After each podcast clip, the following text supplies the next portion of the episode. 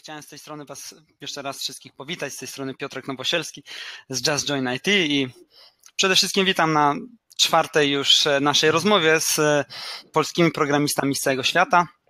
Tym razem naszym gościem jest Grzesiek Kosakowski, który jest programistą w Stripe i na co dzień mieszka e, w Kalifornii, w San Francisco. Cześć Grześku. Cześć. E, oczywiście też e, ten livestream, jak już widzieliście, mm, mam wielką przyjemność współpro, współprowadzić z Maciejem Aniserowiczem. Cześć Maćku. Hello. Dzięki za tak, zaproszenie, tak, bardzo mi miło. Nie ma sprawy. Tak w bardzo dużym skrócie, jeżeli ktoś by jeszcze nie znał Maćka, to nieco o nim. Po pierwsze, programista pasjonat, po drugie, trener prowadzący szkolenia IT, no i po trzecie, a jak dla mnie po pierwsze, e, autor najpopularniejszego dev bloga w tym kraju, czyli devstyle.pl. Także e, jeszcze raz tutaj e, chciałem Was powitać i zanim jeszcze zaczniemy, słowa podziękowania dla moich wspaniałych partnerów, dla InfoShare Academy oraz dla Codilli. InfoShare Academy organizuje stacjonarne szkolenia programowania, natomiast Codilla internetowe, a na hasło Just Join po prostu macie u nich fajne zniżki. To tyle słowem wstępu. Nasz livestream potrwa 90 minut, gdzie przez pierwszą jego część skupimy się na tym, aby e, nieco bardziej bliżej poznać historię Grześka, a druga jego część już będzie wyłącznie poświęcona pytaniom od Was. Także e, tak to wygląda w dużym skrócie. Ja już e, oddaję głos tutaj Grześkowi. Grześku, może zacząłbyś opowiedzieć nam o tym, jak, jak się zaczęła ta twoja przygoda z programowaniem, bo wiem, że zacząłeś ją dosyć wcześnie. Mhm. Ja tylko się upewnię, że e, połączenie mam dobre. Dobrze mnie słychać? Bo, bo przez chwilę coś z połączeniem było nie tak. Ja słyszę. Dobrze mnie słyszycie? Okej, okay, super. E, Okej, okay, więc mm, nauczyłem się programować jak miałem e, 12 lat, e, więc dawno temu. Mam teraz 30, więc to było 18 lat temu. Mm, e, zacząłem tak naprawdę, jak jeszcze nie miałem komputera, więc e, na samym początku to było tak, że pisałem programy w. Gwoździem na, na desce. Tak, znaczy autentycznie w zeszycie i miałem rodzinę, jeździłem do nich niedaleko i, i w weekendy coś tam pisałem, jakieś małe programiki, patrzyłem, wow, działa, albo w ogóle nic nie działa, nie? I tak przez parę miesięcy, zanim, zanim to, no, to było w Basicu, zanim dostałem swój własny komputer e, e, i miałem oczywiście pewien okres, że e, gry, a później czy, czy nie programowałem, tylko grałem, jak każdy, kto dostanie komputer w wieku 12 lat. A później, później trochę mi się zaczął nudzić i tak sobie pomyślałem, że zrobię swoją własną grę. I to w ogóle była taka już wtedy motywacja, żeby się poważnie nauczyć. Oczywiście byłem naiwny, myślałem, że mi e, to zajdzie, nie wiem, za 2-3 miesiące i będę miał swojego, swoją tą grę. E, nauka mi zeszła z 2 czy 3 lata, żeby zrobić tam Bombermana. Nie wiem, czy pamiętacie taką grę, e, jak, jak Bomberman, że się stawia bomby, one wybuchają. Tak. Taka na Nintendo kiedyś była. No, więc, więc właśnie to, um, to był mój początek. Napisałem tą grę w Visual Basicu i też się dołączyłem wtedy do środowiska programistów takiego polskiego, związanego z programowaniem gier, które się nazywało Warsztat. Później się nazwa się zmieniła na GameDev.pl. I ja w ogóle e, w pewnym momencie byłem tam współprowadzącym cały serwis. E, więc jakby zacząłem od gry, a później to już się, się rozszerzyło i, i, i, i prowadziliśmy raz e, o Boże, powiem Grzegorz Kurde, to było tyle lat temu, że nie pamiętam. Stańczyk, Grzesiek Stańczyk. E, razem, razem z nim prowadziliśmy serwis GameDev.pl, który do dzisiaj istnieje. Ku mojemu zdziwieniu niedawno sprawdziłem. Już od wielu lat się nie, nie, nie zajmuję e, grami i do, do dzisiaj istnieje. Więc taki był mój początek e, programowania. E, e, zainspirowany no właściwie później. Tak? Tak, zainspirowany Bombermanem, tak. I znudzony byłem w tamtym czasie. Chyba Settlers 2 była taka gra. Mi się ona nie znudziła. Strategia oczywiście. Nie, nie, nie. Tak, tak, tak, tak. Więc, ale konkretnie tam to ja ją przyszedłem całą, już w ogóle wygrywałem i tak mówię, nie, no, zrobię coś swojego, nie? Co się dało przejść? Settlers? No, dwójka pamiętam, że tam się klikało raz na 12 godzin i się działo coś samo. Tak. tak. Wiesz co, trochę tak było, ale jeszcze yy, nie, wiesz co, tam w tych kampaniach coś tam trzeba było robić, mi się wydaje. Yy, z tego co pamiętam. Dobra.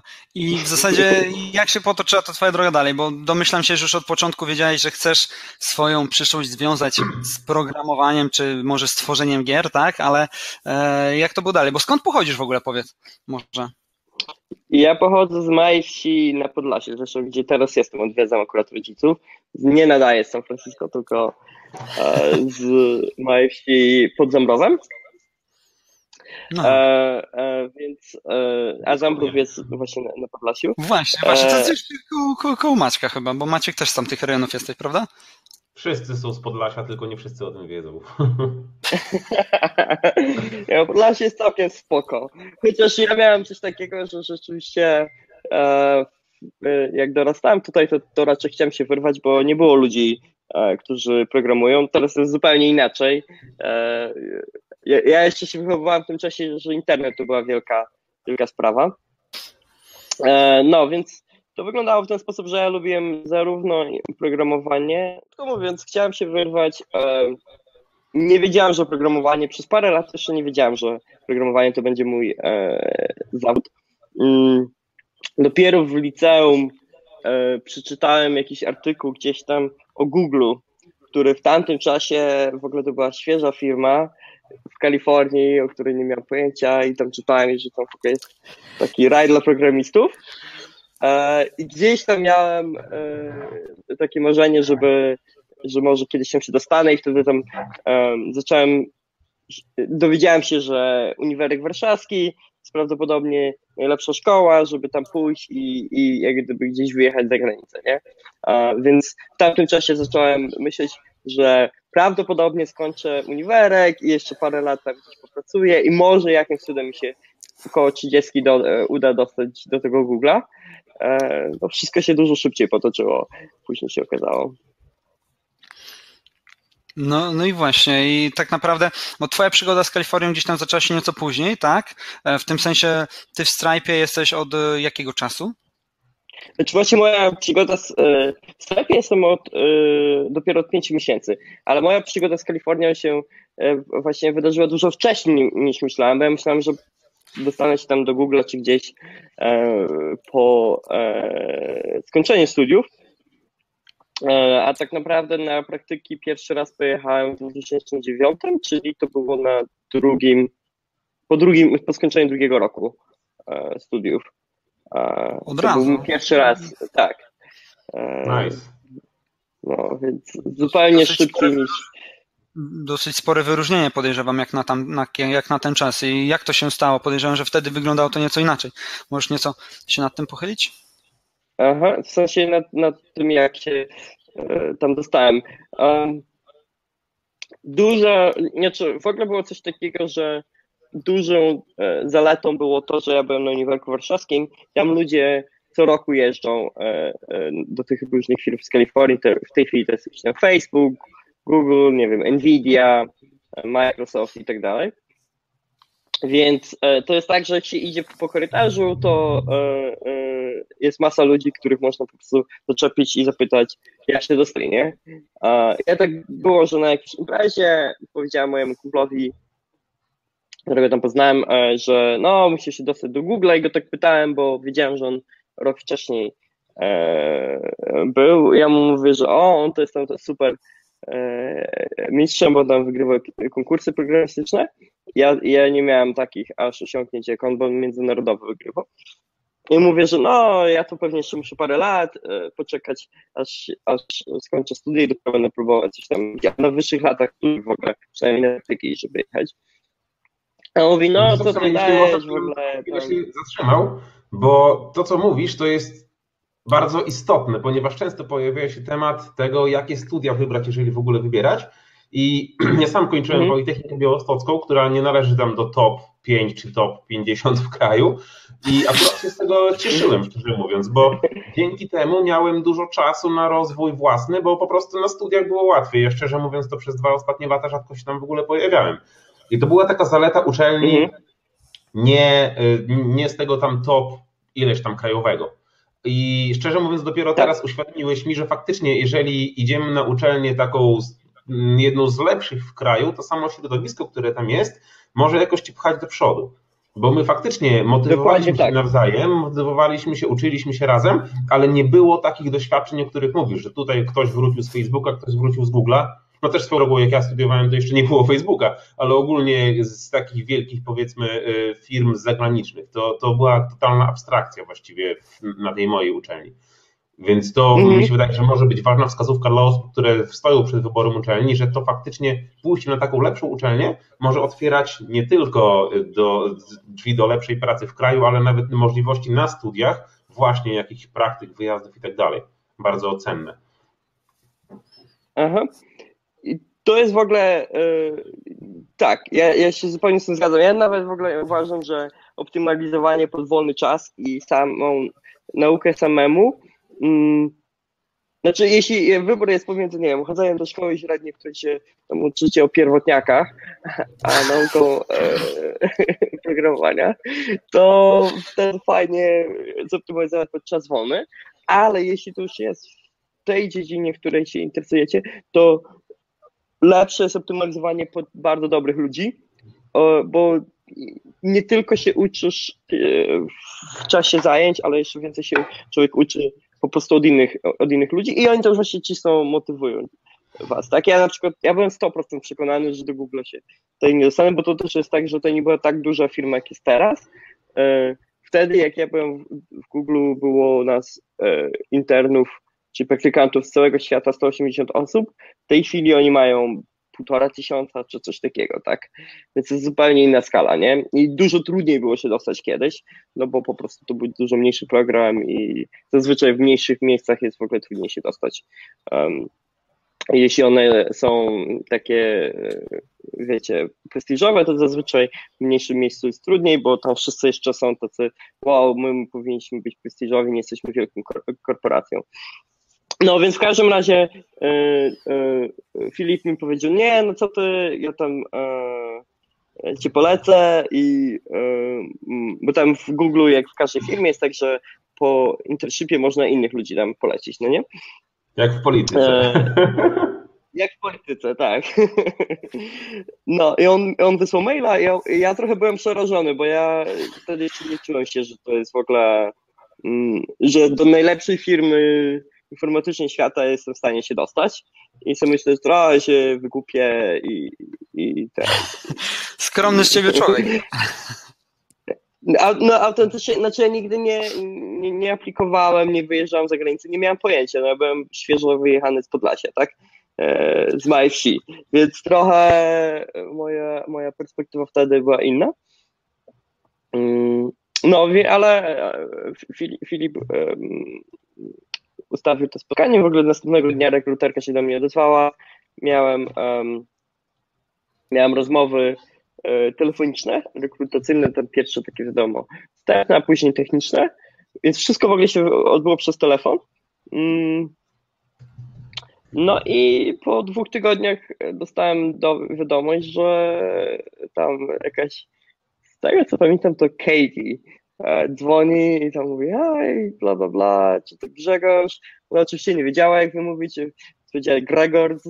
E, e, I ten, no i powiedziała, że ma tę dobrą wiadomość dla mnie i że, że ten, że się dostałem, że będę jechać do Mountain View i um, no i że muszę ogarnąć wizy i tym podobne rzeczy, tak?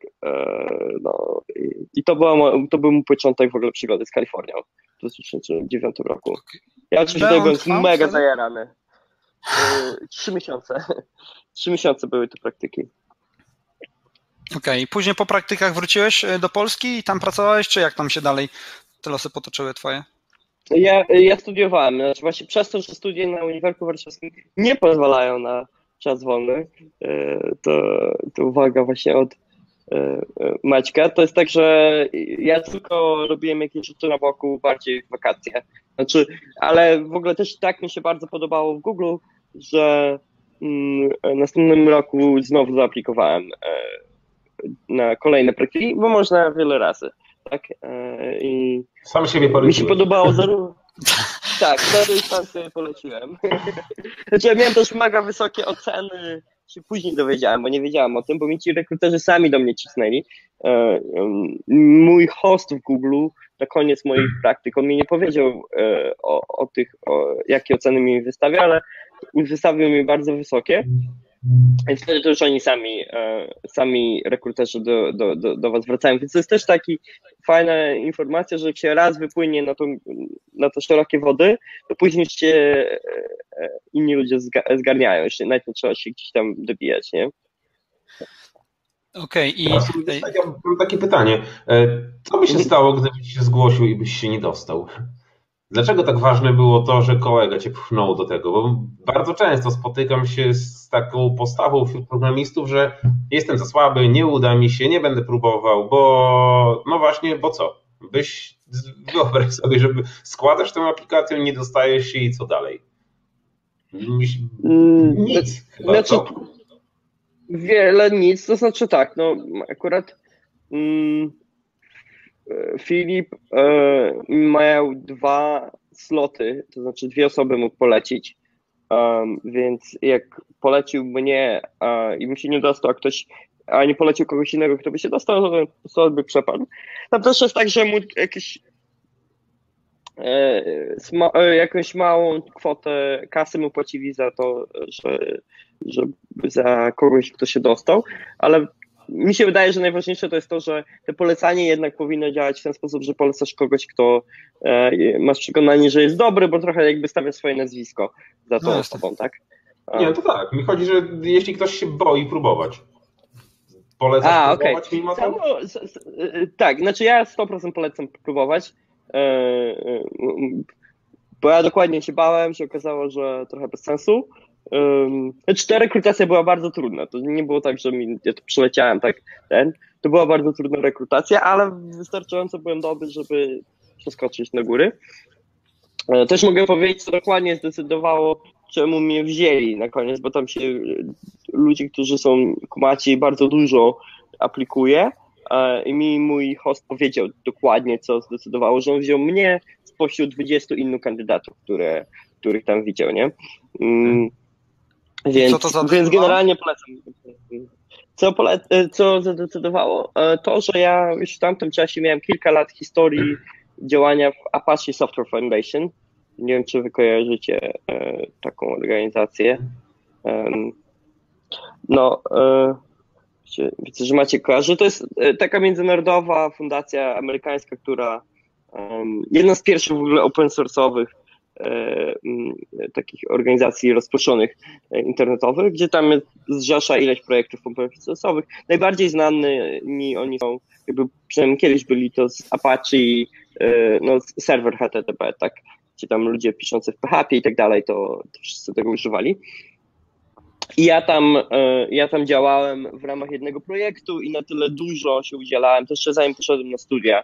Ja w pewnym momencie się przeniosłem z programowania gier na jakieś właśnie bardziej takie rzeczy związane z programowaniem e, aplikacji webowych i tam się dołączyłem do jednego z projektów. Przez kilka lat najpierw tak jakby piąłem się do góry, czyli byłem najpierw tam, wysłałem jakieś patche, później ci ludzie powiedzieli, że wysyłasz ich tak dużo, że dołączymy cię do członka projektu i będzie sobie sam tam je wrzucał. Później byłem zaangażowany w prowadzenie całego projektu i w końcu zostałem w ogóle członkiem całej fundacji, czyli jestem do dzisiaj jestem współudziałowcem tej fundacji, czyli tam to jest takie bardziej formalne, no, ale po prostu jestem takim formalnym członkiem zarejestrowanym w sądzie w Stanach i tak dalej. I e, mój host w Google powiedział, że e, on też był dużym fanem open source, był jednym z twórców Gita, e, tego systemu kontroli wersji e, i mu się podobało to, że zrobiłem coś więcej niż po prostu studiowałem. Super. No i. Okay. E... A, e, możesz coś więcej powiedzieć, bo zastanowiła mnie jedna rzecz, jak już mówiłeś, że dostałeś się na te praktyki w Google. Jak one wyglądały wtedy, kiedy to było prawie 10 lat temu? Czym się zajmowałeś na nich?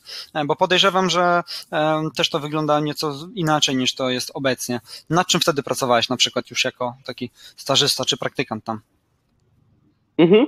W ogóle praktyki w Google to jest tak, że bardzo często one są, y, dostaje się projekty, przynajmniej wtedy, to były takie projekty, gdzie mm, no, ktoś ma jakiś pomysł, tam ten host i to jest taki bardziej ryzykowny projekt i mówi, a no ja nie mam czasu teraz tym, tym się zająć, więc jak przyjdzie praktykant, to mu tam dam to, nie? To jest bardzo często, zresztą w Stripe mam tak podobnie w tej chwili. Um, ja pracowałem nad rozproszoną bazą danych opartą o Gita, to znaczy um, informacje były jakby um, w, przechowywane w jakimś tam e, formacie e, tekstowym, to miała być baza danych, która nie musiała być bardzo wydajna, szybka, ale bardziej chodziło o to, że e, miała być rozproszona i jakby semantykę replikować Gita, tak? Czyli tam nagrzewanie, takie rzeczy.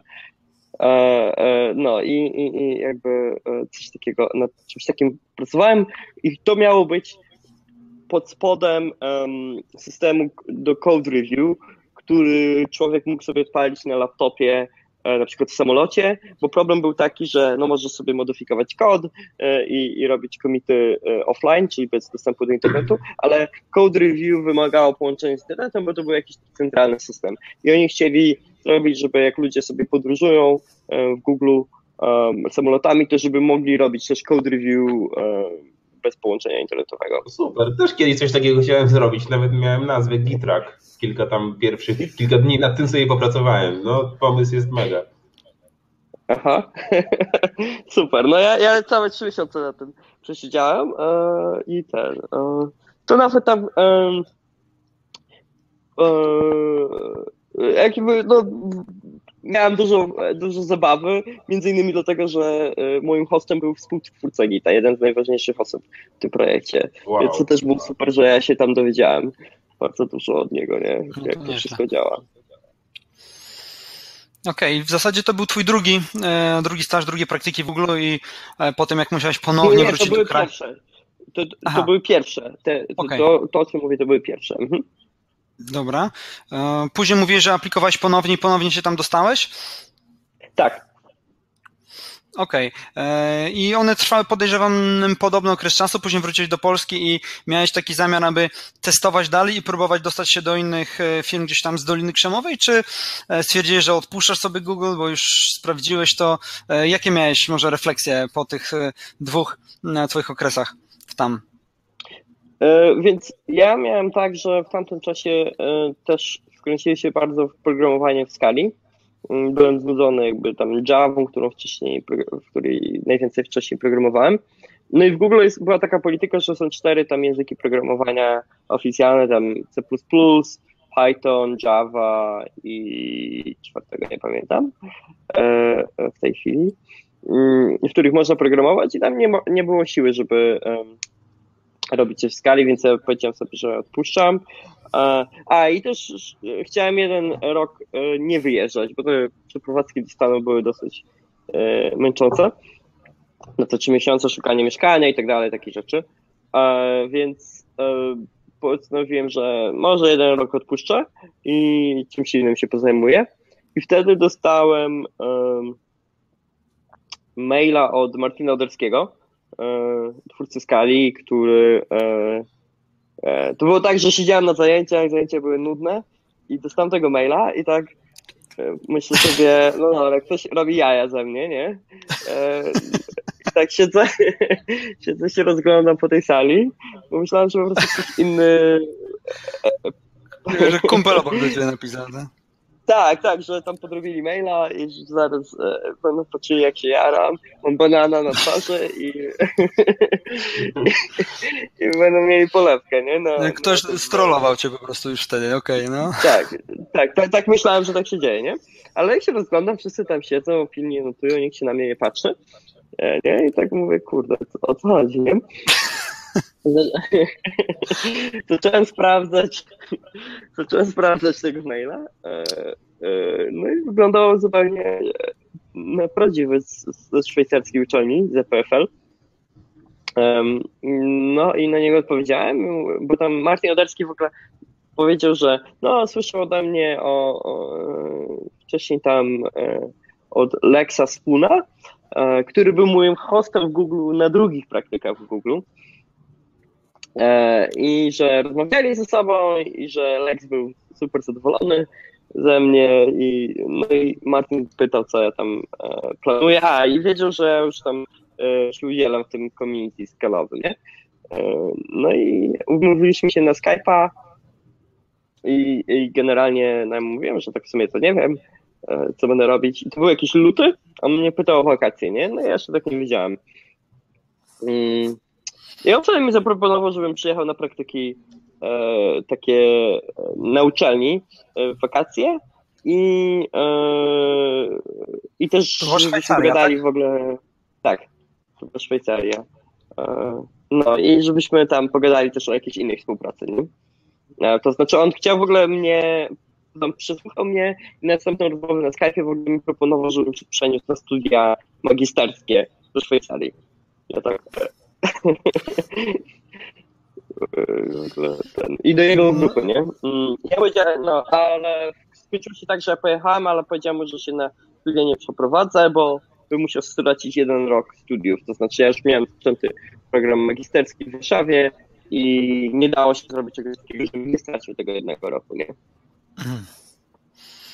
Okej, okay, a mm, możesz coś więcej jeszcze powiedzieć już o tej samej współpracy z Martinem Moderskim, bo mówiłeś, że pracowałeś nad komercjalizacją projektu naukowego, jakim wtedy gdzieś na owy czas była Skala. E, jak to mhm. wyglądało? Znaczy, zaczęło to się od tego, że to jeszcze, jak ja dołączyłem, to był czysto akademicki projekt, to znaczy, że e, e, była grupa studentów, znaczy doktorantów, w labie u niego na, na piętrze, którzy siedzieli i rozwijali skalę. To był projekt, projekt czysto właśnie taki naukowy. Chociaż Martin Oderski zawsze był zainteresowany, żeby, żeby ten um, żeby to był język, który, który jest e, używany w jakichś prawdziwych projektach. On miał ileś tam języków wcześniej, które były typowo eksperymentalne.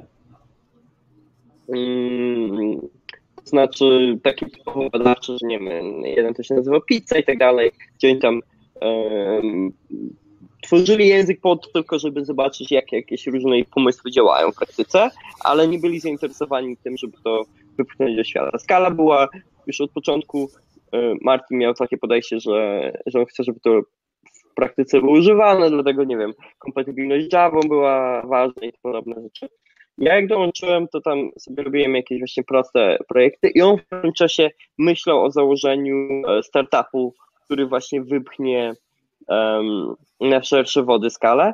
E, I komercjalizacja polegała na, na wielu rzeczach, to znaczy generalnie chodziło o coś takiego, żeby zbudować komercyjne wsparcie dla skali, czyli dla tego ekosystemu, czyli firmy duże, informatyczne, szczególnie jakieś duże korporacje często boją się używać e, technologii, za którą nie stoi jakaś komercyjna jednostka, do której się mogą odezwać i nie wiem, powiedzieć, że tutaj mamy, chcemy mieć wieloletnie wsparcie dla tego języka, tak? I tam jak będą jakieś problemy, bugi i tym podobne rzeczy, to nie mają zagwarantowane, że ktoś jest, to im to naprawia, nie? Więc e, komercjalizacja polegała na dwóch właściwie rzeczach. Jedna to zbudowaniu tej firmy, która, która oferuje usługi typu szkolenia, wsparcie, e, jakieś e, taką długoterminową wizję rozwoju tego języka z uwzględnieniem potrzeb firm. A druga rzecz to też zrozumienie, nie wiem, co jest w kompilatorze co jakichś takich e, no, różnych kantów, które trzeba było wyszlifować, typu, nie wiem, wydajność kompilatora była za słaba do dużych projektów, bo po prostu bugi albo jakieś architektoniczne problemy, nie wiem, integracja ze środowiskami programistycznymi, tego typu rzeczy, nie? Czyli wszystko takie, co jest potrzebne na co dzień do, do, do używania tego w dużych projektach. Okej, okay, i ten e, twój epizod w Szwajcarii jak długo trwał? Ty tam pojechałeś i zostałeś nieco dłużej, czy miałeś konkretne zadania do wykonania i nie wiem, Martin może przekonywał ciebie, żebyś został tam. Jak to wyglądało? Tak, on chciał, żebym został na całe magisterskie studia, ale jak mówiłem, że się nie zgodziłem. W końcu y, y, wymyśliliśmy taką formułę, że y, ja byłem trzy miesiące na wakacje, na praktykach. Później się dogadaliśmy z moją uczelnią, że ja zostanę dłużej i to będzie wymiana studencka. Coś jak Erasmus, tylko to było tak zachmęcone, że tylko ja mogłem się dostać na ten program. Żeby przypadkiem mu nie wysłali jakiegoś innego studenta, nie? Więc, e, więc to było tak śmiesznie zrobione. E, bo tam wymagania były takie, że mówi po polsku, studiuje zarówno informatykę, jak i matematykę i tam, wiecie, no Jestem było tak zrobione. Podlasia, to... okej, okay, rozumiem. Dokładnie, dokładnie tak. Niebieskie oczy i takie rzeczy. Bombermana musiałeś e, podesłać swojego jeszcze. Tak, jest sprzed, sprzed wielu lat. Mm. No i e, więc zostałem tam na studia, znaczy na wymianę i wtedy postanowiliśmy, że ja napiszę magisterkę w ogóle Szwajcarii, e, pomimo, że nie, formalnie nie byłem tam na studiach magisterskich, tak, w ramach wymiany, na same, do samego pisania pracy, czyli to był, były dwa semestry tam zostałem, e, czyli to już było 3 plus tam 6 miesięcy, czyli 9. E, wróciłem do Warszawy, obroniłem się i wtedy wróciłem do Szwajcarii na 3 miesiące już jako pracownik taki full, full time w tym, w tym filmie TypeSafe się nazywała, ta, ta firma, ten startup Martina Derskiego i to już było wiadomo w tym czasie, że ja e, będę jechać do Stanów, tylko po prostu czekałem na wizę i dlatego przez te trzy miesiące pracowałem w Szwajcarii. Czyli tak naprawdę cały rok e, przesiedziałem w Szwajcarii. Ładnie. No dobrze. I co się dalej wydarzyło? Weź powiedz może. No, dalej się wydarzyło to, że e, e, pojechałem do Stanów e, i tam no, pomagałem rozwijać tą firmę Martina. To znaczy, pomysł był taki, że pojedziemy z Adrianem Mursem, który akurat kończył postdoka. On był dużo, on był starszy ode mnie, my się tam przyjaźniliśmy i pomysł był, ja go w ogóle przekonałem, żeby on ze mną jechał do Stanów i żebyśmy obaj zakładali zespół w San Francisco w ramach firmy, który będzie się zajmował kompilatorem skali i rozwojem w ogóle języka po stronie, po stronie firmy i współpracował jakby ze Szwajcarią. E, I on tak trochę się wahał, ale w końcu powiedział, że spoko, że, bo on trochę nie wiedział, co będzie robić po tym postdoku. E, bo wiedział, że naukowo nie chce dalej kontynuować ścieżki, więc tak trochę się zastanawiał, gdzie pójść, nie? E, no, no i pojechaliśmy, no i jakby mieliśmy takie typowe jakby początki z garażu, to znaczy przyjechaliśmy, nic nie było, musieliśmy szukać biura, przestrzeni biurowej, które tak naprawdę na początku byliśmy w jakimś innym startupie, e, gdzieś tam w kącie siedzieliśmy. W pewnym momencie CEO naszej firmy się pojawił, bo um, Martin jest naukowcem i on nie był zainteresowany byciem prezesem, więc jakby nasi inwestorzy szukali nam jakiegoś um, człowieka, który miałby być u nas CEO. E, znaleźliśmy e, e, faceta, który się nazywa Mark Brewer i on jest bardzo dobry od biznesu i to było dobre, dobre, dobre znalezisko. No i, i jakby rekrutacja innych programistów, negocjowanie pierwszych jakichś dużych umów z firmami. Skala jest w ogóle bardzo popularna w Dolinie Krzemowej, więc to był, bardzo, to był jeden z powodów, dla którego otwieraliśmy ten biuro, że być blisko ludzi, którzy używają skali i mają kasę, żeby nam zapłacić, tak, i żebyśmy mogli rozwijać ten biznes.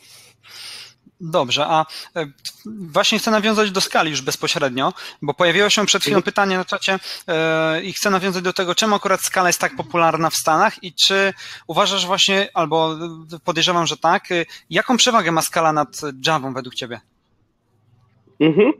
No, jeśli chodzi o przewagę, to mm, ona łączy programowanie obiektowe z funkcyjnym i programowanie funkcyjne od wielu lat już coraz bardziej popularne się staje.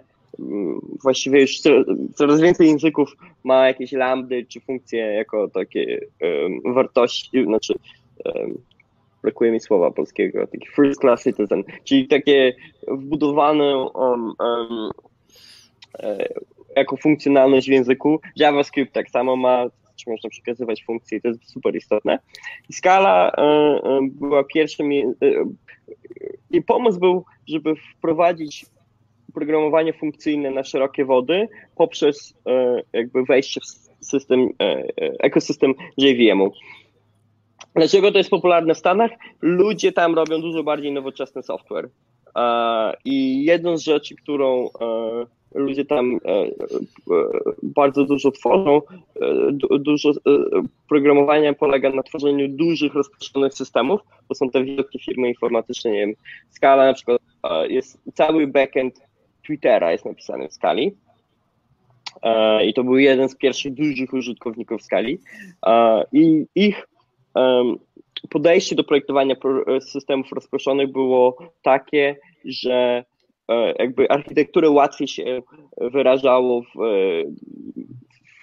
w programowaniu funkcyjnym, tak, że um, jak tam się patrzy, jak, jak ludzie to projektują, to właśnie pomysły z programowania funkcyjnego bardzo dobrze się sprawdzają w systemach rozproszonych. Słynny MapReduce, który kiedyś Google e, stworzył w ogóle do bardzo, e, do, do mm, przetwarzania danych na bardzo dużej skali, Tutaj skala, skala. Znaczy, to zresztą nie jest przypadek. Skala została nazwana jako scalable language, że się skaluje do dużych rozmiarów, do dużych, dużych zadań, więc MapReduce Google'a to jest czysto funkcyjne, e, e, czysto funkcyjny pomysł, że jest funkcja map i reduce i że można mm, e, te rzeczy skalować do, do bardzo dużych tam data centers i tak dalej. Więc krótko mówiąc, skala jest tam popularna ze względu na to, że, e, że programowanie funkcyjne jest popularne, a programowanie funkcyjne jest popularne dlatego, że e, ludzie tworzą duże e, systemy, które się w tym paradygmacie programuje. Natomiast ja bym, ja bym Ciebie zapytał, jak widzisz przyszłość programowania funkcyjnego, bo to tak naprawdę nie jest nic nowego przecież, bo Lisp czy GAM to są języki sprzed lat 50 czy tam 40, i teraz to programowanie mhm. funkcyjne tak właściwie wraca od tych 10 lat. Dlaczego akurat teraz? No właśnie przez programowanie rozproszone. Okay. Dużo tru- i, i, i, wielowątkowe. To jest, to jest e, coś, co w czym się e, sprawdza, a też jest parę powodów, dla których e, programowanie mm, funkcyjne kiedyś nie mogło wypłynąć, to jest takie, że e, tradycyjnie wydajność e, Lispa i tym podobnych języków programowania była dużo słabsza, czy nawet okamla od, nie wiem, C. Mhm. I jak hardware się coś Dobra, jak, jak już to skomentowałeś, no uroki podlaskiej wsi, e, na szczęście fajnie, że już jesteś z nami. Chciałbym, żebyśmy, tak jak mówił tutaj Maciej, właśnie skupili się już konkretnie na Stripe, ale zanim do tego mhm. przejdziemy, jeszcze jedno pytanie, bo to, co mnie zastanowiło z tego, co opowiadałeś, w zasadzie świetna przygoda, rozkręcasz e, komercjalizację skali, no wiele osób za takie, e, za taką możliwość w ogóle dałoby się pokroić, a ty jednak stwierdziłeś, no Martin, było fajnie, ale dzięki, szukam przygód dalej, czy jak to wyszło? E, ja miałem tak, że mm, e, miałem pewien założony cel związany z, e, z pomocą w skali, przy, przy, skali. To znaczy, ja chciałem ją, rzeczywiście był pewien moment, kiedy było bardzo mało ludzi, którzy wierzyli, że to się nam uda. I, e, I mieliśmy jakieś tam cele do osiągnięcia, ile firm będzie tego używało, ile jest użytkowników na świecie i tak dalej. W tej chwili skala ma ponad 150 tysięcy programistów, których używają jej na co dzień. I ja uznałem, że jakby moja misja była zakończona, kiedy doszliśmy do tego e, momentu, okay. tak? E, I teraz już jest tak, że nikt nie kwestionuje tego, czy skala będzie używana jakoś szeroko komercyjnie jest używana od programowania maszyn, e, e, które kontrolują e, procesy produkcyjne w tych mleczarniach w Stanach do, do programowania jakichś super nowoczesnych aplikacji big data w jakichś startupach i tak dalej. Jest super szeroko używana i uznałem, że czas na, na coś, coś nowego, nie? A słuchaj, ty się spełni, spełniłeś tam trochę jako biznesmen też? Tak, to, to było ciekawe, że to było typowe, startupowe, e, takie, jak się słucha historii z, z, ze Stanów, e, to znaczy przyjechałem, nic nie było i byłem młodym chłopakiem, musiałem zarówno negocjować e, jakieś deale ten, takie biznesowe, byłem zaangażowany bardziej od strony technicznej, ale przy negocjacji takich typowo biznesowych umów, takie na, nie wiem, na milion, dwa miliony dolarów, E, to były takie pierwsze, pierwsze rzeczy, które my e, tam negocjowaliśmy, więc ja bardzo dużo biznesowo też się nauczyłem. Jak wyglądają mhm. takie, szczególnie enterprise sales, tak, czyli takie sprzedaż dużych firm. E, to kompletnie inaczej wygląda niż ja sobie wyobrażałem jako taki, wiecie, zwykły programista, nie? Ale właśnie, bo ty pewnie zdobyłeś masę znajomości, tak jak mówisz, bardzo dużo doświadczenia a teraz jesteś programistą, więc można mniemać, że nie jest tak, że cię to jakoś strasznie porwało. Jednak wybrałeś klawiaturę, a nie garnitur. Czytam t-shirta i raczki, jak to się robi biznesy w Stanach. E, mm, dobre pytanie. Mm, to jest tak, że e, San Francisco jest ciekawe, że tam status społeczny wygląda trochę inaczej programistów niż właściwie gdziekolwiek indziej. Gdziekolwiek indziej, jak jesteś tam menedżerem wysoko i tak dalej, to jesteś tym, kariera ci się rozwija. W San Francisco programiści są super wysoko, czy tam oni to nazywają software engineer, nie programmer, tylko software engineer. Um, to um, oni bardzo wysoko stoją w hierarchii e, i to są ludzie, którzy budują rzeczy i tam jest bardzo duże nastawienie na, na ludzi, którzy budują. E, I ja tak naprawdę w tej chwili to, co robię, to programowania jest bardzo mało takiego czysto stricte. Jestem bardziej e, człowiekiem takim tech leadem, researcherem. E, to nie jest takie typowe klepanie. Kolejnego CRM-a. CRM-a, dokładnie tak. Jak ja właściwie jak patrzyłem w ostatnim miesiącu, ile linii kodu napisałem, to napisałem ich 30. Nie? Takich które poszły do, do, do to produkcji. nawet ode mnie, który zwolniłem się z pracy rok temu programistycznej. No, więc, e, więc rzeczywiście e, trochę moja rola jest inna. Mm. E, I mam wybór pomie... Znaczy ja w ogóle lubię programowanie, więc dalej trzymanie się blisko programistów to jest to, co, co lubię, ale to, co zauważyłem, to dobrze się sprawdza na takim przy... pograniczu programowania i biznesu. Czyli nie stricte w biznesie i nie stricte w programowaniu, ale gdzieś pomiędzy. No właśnie, słuchaj, bo ty masz 30 lat. E, nie wiem, Piotrek, można jeszcze trochę przy tym temacie zostać? Nie, zdecydowanie, oczywiście, jak najbardziej. Właśnie oddaję okay, ci pałeczkę. To mnie bardzo interesuje, bo mówisz, że masz 30 lat i już tak nie jesteś programistą full time. E, ja przestałem być programistą full time w wieku lat 32, dwa lata temu i właściwie mhm. jak patrzę na moich znajomych, z którymi studiowałem, ja studia skończyłem 10 lat temu, to bardzo mało osób jest nadal programistami, czyli tam po 30 coś się zmienia. I taka ta mhm. pasja, zaangażowanie, to takie kodowanie po 15 godzin dziennie po prostu przestaje sprawiać tak wielką frajdę i się odkrywa, mhm. że e, czas trochę rozejrzeć się za nieco innymi zajęciami. Nie mówię tu o jakiejś programistycznej emeryturze, bo kodowanie mhm. akurat też czasem lubię sobie jeszcze coś tam poklepać, tylko to jest tak, że to mhm. przestaje być takim po prostu całym życiem. Jak kiedyś pamiętam, że żyłem tymi liniami kodu, no to to przestało tak być. Rozmawiam ze znajomymi, nawet porównuję nasze wyjazdy na, na wczasy. Te 8 lat temu, jedyne o czym rozmawialiśmy przy grillu, przy ognisku, kurde, przy wodzie, przy jezi- nad, nad, nad jeziorem, to było programowanie, co kto zakodował. Teraz mhm nie ma tego w ogóle. Wyjeżdżamy gdzieś na 4 dni i temat kodowania się prawie nie pojawia.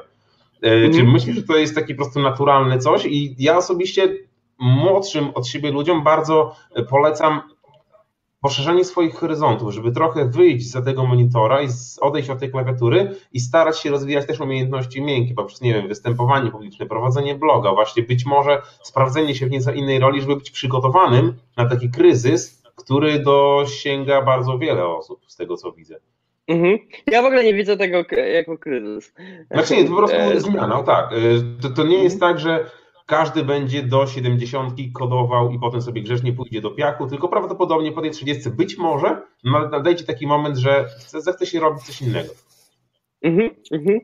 E, znaczy, generalnie tak i krótka odpowiedź na to to jest e, pytanie tak, znaczy po pierwsze umiejętności miękkie są super ważne, ja też się tego nauczyłem, ja się w ogóle nauczyłem tego bardziej w Stanach, jak zobaczyłem E, to, to w ogóle na mnie duże wrażenie zrobiło w 2009, jak z szefem całego Google Research był taki dosyć znany e, informatyk, on był kiedyś programistą, ale robił tam doktorat z informatyki, napisał parę rzeczy takich Unixowych narzędzi, które jakby ludzie używają, jakiś AK i tym podobne rzeczy. I on w ogóle, jak ja na niego patrzyłem, to był super dobry w komunikacji, w prezentowaniu i w takim pokazywaniu w ogóle, gdzie się informatyka rozwija, nie? Ja mhm. pierwszy raz zobaczyłem coś takiego, takiego człowieka, który jest naprawdę widzi rzeczy do przodu, ma też skille biznesowe i tak dalej. I wtedy mi to dało do myślenia. Um, I sprawa polega na tym, że jakby kodowanie to jest w ogóle e, prosta sprawa, e, prosta rzecz, wbrew pozorom. Oczywiście wymaga to paru lat nauki, ale takie czyste programowanie E, jest dosyć proste. Dużo trudniejszym problemem jest w ogóle, co warto programować, co jest, nie jest kolejną reimplementacją tego, co już ktoś zrobił. Okay? Mhm. Czyli właśnie pisanie kolejnego CRM-a na przykład, nie? Właśnie, mnie od programowania odrzuciło to, że niezależnie od projektu, od klienta, na pewnym poziomie się okazało, że te problemy, nawet jak jest technologia inna, to te problemy są takie same właściwie. Po prostu zaczęło mnie to nudzić niestety. Tak, no to, to, to też jest tak. No i to jest w ogóle jeden z powodów, jakbyście mnie zapytali, dlaczego wyjechałem do Stanów. To jest dokładnie, żeby nie mieć tego, tego kryzysu. Tam się po prostu, moim zdaniem, ciekawsze rzeczy robi, szczególnie jeśli się nie robi tego na zlecenie, tylko to są firmy, które się wiele lat rozwijają. Mm, ja właśnie mogę tam powiedzieć coś, co robię w Stripe i to jest zupełnie ciekawa, nowa dla mnie e, przygoda. No właśnie, dawaj, bo, bo w sumie dużo bardzo mówiliśmy o przeszłości, a to, co teraz robisz, wydaje mi się też bardzo fascynujące. Zdecydowanie. Tak. Więc e, nie wiem, czy chcecie powiedzieć, e, też bo wiem, że Piotr chciał wiedzieć, jak się tam dostałem do tego Stripe'a. Nie wiem, czy chcecie Tam, to, czy, mówiłeś, czy później Możemy do tego wrócić później, ewentualnie mhm. e, możesz tam, jak uważasz. Śmiało. No dobra, to możemy później do tego wrócić. Więc to, o czym ja się zajmuję w tej chwili, um, to um, ja pracuję w zespole, który um, rozwija nowe metody do um, ja użyję angielskiego zwrotu fraud, fraud detection, wykrywania przestępstw, um, czy jakichś bardziej wyłudzeń, fraud wyłudzenia, tak? I Stripe, e, albo nie powiedziałem czym się zajmuje Stripe, Stripe e, zajmuje się płatnościami internetowymi, ale to nie jest tak jak PayPal, że ludzie sobie mogą wysyłać kasę. My bardziej tworzymy API dla innych programistów. Naszym produktem jest API dla programistów, gdzie jak nie wiem, tworzycie sklep internetowy, chcecie przyjmować płatności, to my e, udostępniamy API, gdzie mo, można te e, płatności akceptować i my się zajmujemy takimi rzeczami jak e, rozmawianie z tymi wszystkimi karta, sieciami kart kredytowych i debetowych, przechowywaniem numerów tych kart i tym podobnymi rzeczami, rozliczaniem tego wszystkiego, przesyłaniem międzynarodowym. Tak, to jest w ogóle skomplikowana rzecz, jak, jak te pieniądze przepływają, a z punktu widzenia programisty takiego, który używa Stripe'a, to jest bardzo proste API typu, no tutaj ma się wyświetlić formularz, że wpisze ktoś numer karty i na taką sumę ma być obciążony i tyle, tak? I więcej jakby. I e, te numery kart nigdy w ogóle nie lądują na serwerach um, jakiegoś tam sklepu internetowego, co jest istotne z punktu widzenia bezpieczeństwa. I teraz tak, największym kosztem działania Stripe'a jest to, że ludzie nam kradną pieniądze. Um, I to, e, to jest w ogóle nieoczywiste, e, że pensje, które są wysokie w Dolinie, biuro, powierzchnie biurowe, to wszystko, całe wszystkie nasze wydatki biznesowe są naprawdę małym ułamkiem tego, ile nam ludzie kradną pieniędzy. I to jest, e, ja byłem trochę w szoku, e, bo chodzi o to, że w, jak macie, płacicie kartą w sklepie zwykłym fizycznym, to tam mają obowiązek, oni rzadko kiedy to robią, ale mają obowiązek sprawdzić, że wy jesteście legalnym posiadaczem tej karty, tak? czyli mogą zażądać od was na przykład dowodu osobistego, albo przynajmniej PIN trzeba wpisać. Um. Sam, sama, sama karta nie, nie, nie, nie, nie wystarcza, no nie?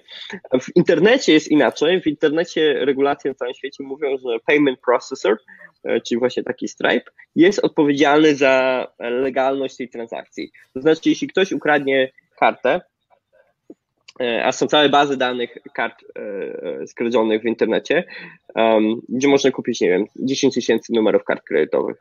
E, I jeśli teraz ktoś kupi jakieś rzeczy w,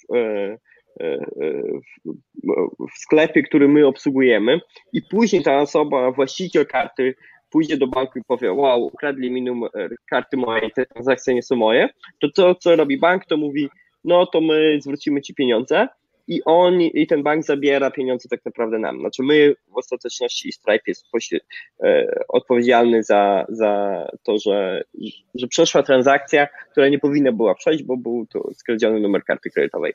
Um, to jest jeden rodzaj, e, to jest e, skradzione numery kart kredytowych. Inny rodzaj um, wyłudzenia to jest, że ktoś tworzy fałszywy sklep i u, obiecuje wam, e, że wyślę, nie wiem, e, deskorolkę, a deskorolka się nie pojawia u was na poczcie, tak? E, I pieniądze zniknęły i znowu idziesz do banku i mówisz, mi nie skradli karty kredytowej w tym momencie, ale po prostu zostałem oszukany i znowu Stripe jest odpowiedzialny za to jako ten pośrednik.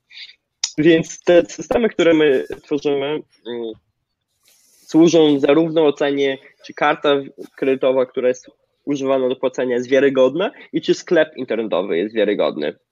Okay? Żebyśmy mogli w sposób automatyczny ocenić to. Um, to jest super ciekawy problem. Um, to, czym ja konkretnie się zajmuję w tej chwili, to jestem właśnie w takim małym zespole, który szuka nowych źródeł sygnału, które pozwalają nam ocenić, czy ktoś czy ten sklep, na przykład próbujemy oceniać, jak długo istnieje strona internetowa, od, jak, jaki jest wiek tej strony internetowej. Bo jak sklep internetowy jest podrobiony, to jakiś tam ktoś, nie wiem, z Rosji, czy z Nigerii, czy skądś tam postawił tą na jakimś właśnie CRM-ie, czy tam na jakimś PHP-owym czymś tam miesiąc temu, tak? E, a jak sklep jest wiarygodny, to, to istnieje od wielu lat. I teraz pytanie jest, jak oszacować wiek strony, tak? To nie jest zupełnie oczywiste, e, jak to zrobić. I to jest taki jeden przykład, inny to jest właśnie jakieś, no różne rodzaje, my to co, generalnie to co ja tworzę to jest taki system, który próbuje szukać różnych sygnałów w internecie, które przekonują nas o wiarygodności jakiejś osoby, tak? I to w tym jest bardzo dużo machine learningu, um, takiego dosyć nowoczesnego. W tej chwili patrzymy się na deep learning i podobne rzeczy, takie super nowoczesne technologie um, właśnie do tego, nie? I to jest to, czym się zajmuję. Uważasz, że to jest e, również przyszłość programowania, bo takie pytanie pojawiło się tutaj na czacie. E, jakbyś był teraz na początku swojej drogi i dopiero może zaczął uczyć się programowania na studiach, to którą ścieżką byś podążał? Moje przekonanie jest trochę nie, niekonwencjonalne. Nie ma to znaczenia. To znaczy konkretnie, ja na przykład byłem przekonany, że kompilatory to jest trochę taka ścieżka która jest e, takim trochę, jak to się mówi po polsku, deadem, takim ścież, drogą ślepim, o, ślepym zaułkiem. Um, bo ile firm zatrudnia ludzi od kompilatorów? To jest naprawdę wąska dziedzina. Okazuje się, że znacznie ważniejsze jest nie to, co robicie, a czy jesteście najlepsi w tym na świecie. I... No tak, to jest rzeczywiście istotne. Jakby nie e, było. I, tak, i ja autentycznie e, jakby mm, z kilku, z kilku powodów. I to jest tak, że ja teraz zupełnie nieskromnie powiem, że jakby w świecie e, programowania, języków programowania, kompilatorów i tak dalej, może nie jestem gdzieś tam w wiem, w pierwszej dziesiątce, ale znam wszystkich ludzi z pierwszej dziesiątki, tak? I mogę wam nawet powiedzieć na przykład, jak to się przyczyniło do tego, że się dostałem do Google Braina, do którego w końcu nie poszedłem, poszedłem do Stripe'a. Google Brain jest najbardziej prestiżowym zespołem w Google, zajmuje się sztuczną inteligencją. Ja nie mam żadnego doświadczenia w tej dziedzinie i się dostałem tam, mimo że e, masa ludzi, którzy tworzą, kończą doktoraty w tej dziedzinie, się nie dostaje. Nie? E, I to jest, e, to, to jest bardzo nieoczywiste. I dokładnie tak samo jest w Stripe'ie, że e, ja nie znam się na machine learningu, a pracuję przy tym. Um, jednym z powodów jest to, że ludzie, um, że często przydają się interdyscyplinarne zespoły i ja tą główną wartość, którą dostarczam do naszego zespołu, to jest zrozumienie, jak tworzyć architektonicznie te systemy, bo mam super głębokie zrozumienie, jak działają języki programowania. A machine learningu się uczę w tej chwili od innych ludzi, którzy są ekspertami e, w tej dziedzinie, nie? którzy są w Stripe'ie. Więc zawsze jest pytanie, nie co będzie tam trendem za 5 lat, bo to w ogóle. Mm, znaczy, ja oczywiście uważam, że deep learning, machine learning będą bardzo ważnymi, um, ważnymi e, technologiami w przyszłości, ale ważniejsze jest moim zdaniem znalezienie sobie czegoś, czym się ma szansę być jednym w czołówce na świecie.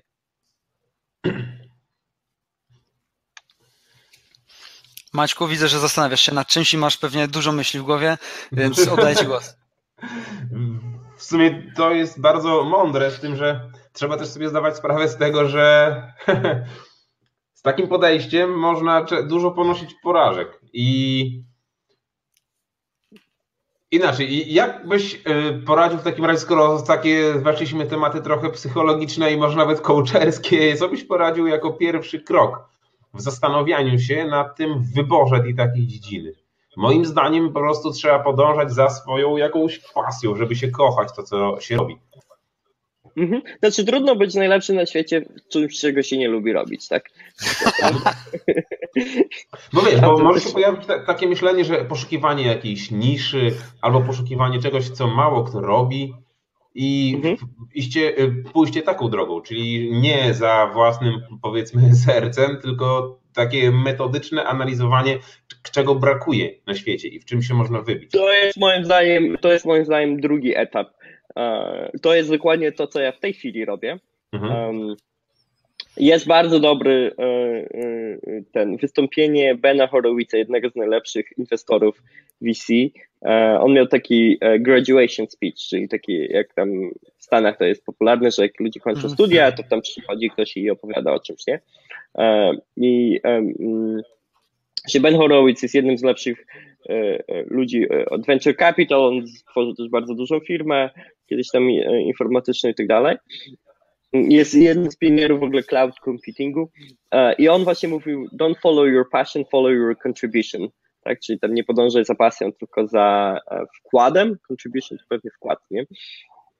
I to jest rzeczywiście takie podejście, że szukasz tego jakiejś niszy, gdzie tam możesz się najbardziej przyczynić, ale to ja uważam, że to jest drugi etap w życiu. Pierwszy etap to jest warto wyrobić sobie markę um, człowieka, który się na czymś bardzo dobrze zna, bo wtedy się dołączasz e, do klubu ludzi, którzy są e, też zajebiści, tylko że w innych dziedzinach. Ja to zauważyłem, że ludzie, którzy są naprawdę na wysokim poziomie, oni się bardzo często kumplują z innymi ludźmi, nie ze swojej dziedziny, tylko z innych dziedzin, bo od nich mogą się najwięcej nauczyć. Że u mnie akurat mogę powiedzieć ze swojego doświadczenia, że ro, robienie to, czego, co się lubi robić bardzo mocno. W moim przypadku mhm. jest to ogólnie prowadzenie rzeczy online, bloga, podcasta, vloga i tak dalej. I ostatnio się do mnie odezwała firma kilka miesięcy temu, nie z Polski, która robiła research jakichś tam wpływowych blogerów programistycznych w całej Europie i chcieli wykupić reklamy. No i wysłałem mhm. mi swój sklep i powiedzieli, kurde stary, jesteś najdroższy w całej Europie, a ty jesteś tylko z Polski. Ja powiedziałem, no, no być może widocznie jestem tego wart i tę reklamę wykupili. Dla mhm. kolesia z Polski dali więcej niż dla kolesia z Niemiec, kurde, z Francji czy z Anglii. No to I to jest moim zdaniem e, droga do jak, sukcesu, to złe słowo akurat, po prostu droga do jakiegoś spełnienia, o tak, czyli znaleźć coś, co się naprawdę, coś, z czego się nie traktuje jako pracę i dążenie w tym do jakiejś tam perfekcji. Mhm. I znaczy, ja bym w ogóle się nie bał użyć słowa sukces. E, to jest tak, że ja naprawdę nie narzekam. Inaczej, że moim zdaniem każdy powinien mieć swoją definicję sukcesu i sukcesem niekoniecznie musi być duży dom czy, czy, czy fajna fura, po prostu, żeby. No właśnie, ja, ja to wolę akurat słowo spełnienie, o tak. Mhm, mhm. Tak, chociaż pewien, jest pewien pułap też finansowy, który jest fajnie osiągnąć, bo wtedy przystaje ci, e, jakby finanse znikają z horyzontu, to jest super uczucie kiedyś pierwszy raz jak doszedłem do takiego momentu, że mm, jakby w tej chwili w ogóle finanse są drugorzędną rzeczą dla mnie, tak? Jakby już nie muszę się zastanawiać, czy tam e, potrzebuję pieniędzy na coś, na, na to czy na tamto. Jakby na wszystkie rzeczy takie normalne wystarcza. E, I to jest, to jest naprawdę fajne uczucie, bo wtedy rzeczywiście można się 100% skupić na tym, co człowiek e, uważa, że, że przyczyni się do, nie, do spełniania tak, te, tego, mm, tej osoby. I właśnie ja może wam powiem właśnie o tym um, brainie, tak w trzech zdaniach, bo to jest, no. było w ogóle wielkim szokiem dla nawet moich znajomych, jak to się stało. Brain to jest super prestiżowe miejsce w Google w tej chwili zarządzany przez Jeffa Deana. Jeff Dean to jest najbardziej, jeden z najbardziej, znaczy najbardziej znany programista w Google. E, on, on jest też e, tam w amerykańskim Stowarzyszeniu Wszystkich Informatyków, tam ważne postanie. Super, jak na programistę to trudno mi wymyśleć inną osobę o tak dobrej karierze jak on. On zrobił bardzo dużo rzeczy ciekawych w swoim życiu. E, no i, i Brain E, zajmuje się właśnie rozwojem sztucznej inteligencji mm, w, Google. E, ja chciałem się tam dostać, bo mnie w ogóle temat sztucznej inteligencji i deep learningu um, dosyć zaczął interesować od tak gdzieś dwóch lat. No i moi znajomi mi mówili, że stary, to jest tak, że to jest taki wymarzona praca każdego człowieka w Google. Masz, nie wiem, 20 tysięcy programistów, ty nie jesteś nawet w tym Google i chcesz się tam dostać i nie masz doświadczenia w tej dziedzinie, więc to trochę jakby moi znajomi, którzy są e, w Google Research mówili, że stary, trochę chyba odleciałeś, nie? Że, że, że próbujesz w ogóle, nie? I ja się zastanawiałem e, właśnie, e, jak się tam dostać. I, to jest taka nauczka na właśnie dalszych etapach kariery, żeby wykorzystać swoją mocną stronę. Znaczy ja rzeczywiście jestem bardzo mocny w tych kompilatorach, rozumiem mm, mm jakieś maszyny wirtualne, tego typu rzeczy, jak to wszystko działa. I, w Google Brainie jest projekt, który się nazywa TensorFlow, mm, który znowu w Dolinie Krzemowej jest super popularny w tej chwili. Ludzie tam piszą te jakieś, nie wiem, computer vision, e, rozpoznawanie obrazu, jakieś takie rzeczy w oparciu o TensorFlow. To się taka tworzy platforma e, do, do pisania algorytmów tych deep, deep learning. E, ja tak się na to patrzyłem i tak sobie myślę, kurczę, to się w ogóle, co się tej chwili dzieje, to e, pojawia się maszyna wirtualna do sztucznej inteligencji. I moim zdaniem TensorFlow za kilka lat w tym kierunku pójdzie, nie? I zacząłem się zastanawiać, co to znaczy i dlaczego to miałoby sens, jakby dlaczego, nie wiem, JVM, czy tam maszyna wirtualna V8 od JavaScriptu i wszystkie inne maszyny wirtualne nie sprawdzą się w tej dziedzinie, nie? Ja tam wymyśliłem sobie takie dosyć fundamentalne powody, dlaczego to się rzeczywiście ma sens pisanie nowej maszyny wirtualnej. E, bo po prostu programy, które się pisze w deep learningu wyglądają zupełnie na fundamentalnym poziomie inaczej niż, niż te e, e, zwykłe, mm, klasyczne programy. No ja tak sobie pomyślałem, ok, to ja napiszę do tych ludzi e, od TensorFlowa, e, do TechLeada napisałem i e, znaczy poprosiłem moich znajomych z Google, żeby przesłali maila mojego i ja napisałem, że no mam takie, myślę sobie o tym taki Virtual Machine for AI, tak to e, nazwałem, i że uważam, że to jest fajny kierunek dla TensorFlowa, żeby się rozwijał. I dostałem odpowiedź 20 minut później na tego maila. E, I, i Rajat mi napisał, że słyszę, że się rekrutuje w wielu firmach i że on chce ze mną jeszcze dzisiaj porozmawiać, czy ja mam czas, nie? E, I to było wspomnienie kompletnie wszystkich rekruterów i tak dalej. Znaczy, pogadaliśmy 15 minut i on mi powiedział, że chce jutro ze mną już mieć taką rozmowę e, godzinną e, ten, rekrutacyjną. I zaczęliśmy rozmawiać o tych moich pomysłach i on po tak 20 minutach rozmowy się uśmiechnął i powiedział, że no to już ta rozmowa według niego jest jakby zakończona, bo to, co ja mu opisałem, jakie pomysły tamten, to są mniej więcej ich roadmap, ich tam ta mapa drogowa na najbliższy rok, co oni chcą robić nie mają ludzi do tego, tak? I no kolejne 40 minut rozmawialiśmy e, ten, rozmawialiśmy o, o, o jak to zrobić i tak dalej i jak się za to zabrać. E, i, I czego ja miałbym się nauczyć właśnie z deep learningu, żeby do, lepiej rozumieć, jak pisać taki virtual machine for AI, nie? I to była najszybsza rekrutacja, e, jaka w Google e, mi się kiedykolwiek wydarzyła. E, trwała dwa dni.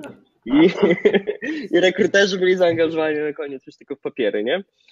I jaka jest puenta tego? Puenta jest tego taka, że ja sobie, sobie właściwie sam stworzyłem stanowisko pracy, bo oni nie mieli jeszcze wymyślonego dokładnie, jak miałby wyglądać nawet oferta pracy, jak szukać człowieka, który ma doświadczenie w kompilatorach i miałby y, robić to, co, co gdzieś im w głowie się działo, ale oni po prostu jeszcze mieli tak wykrystalizowane wizji tego, co oni chcą naprawdę osiągnąć, nie?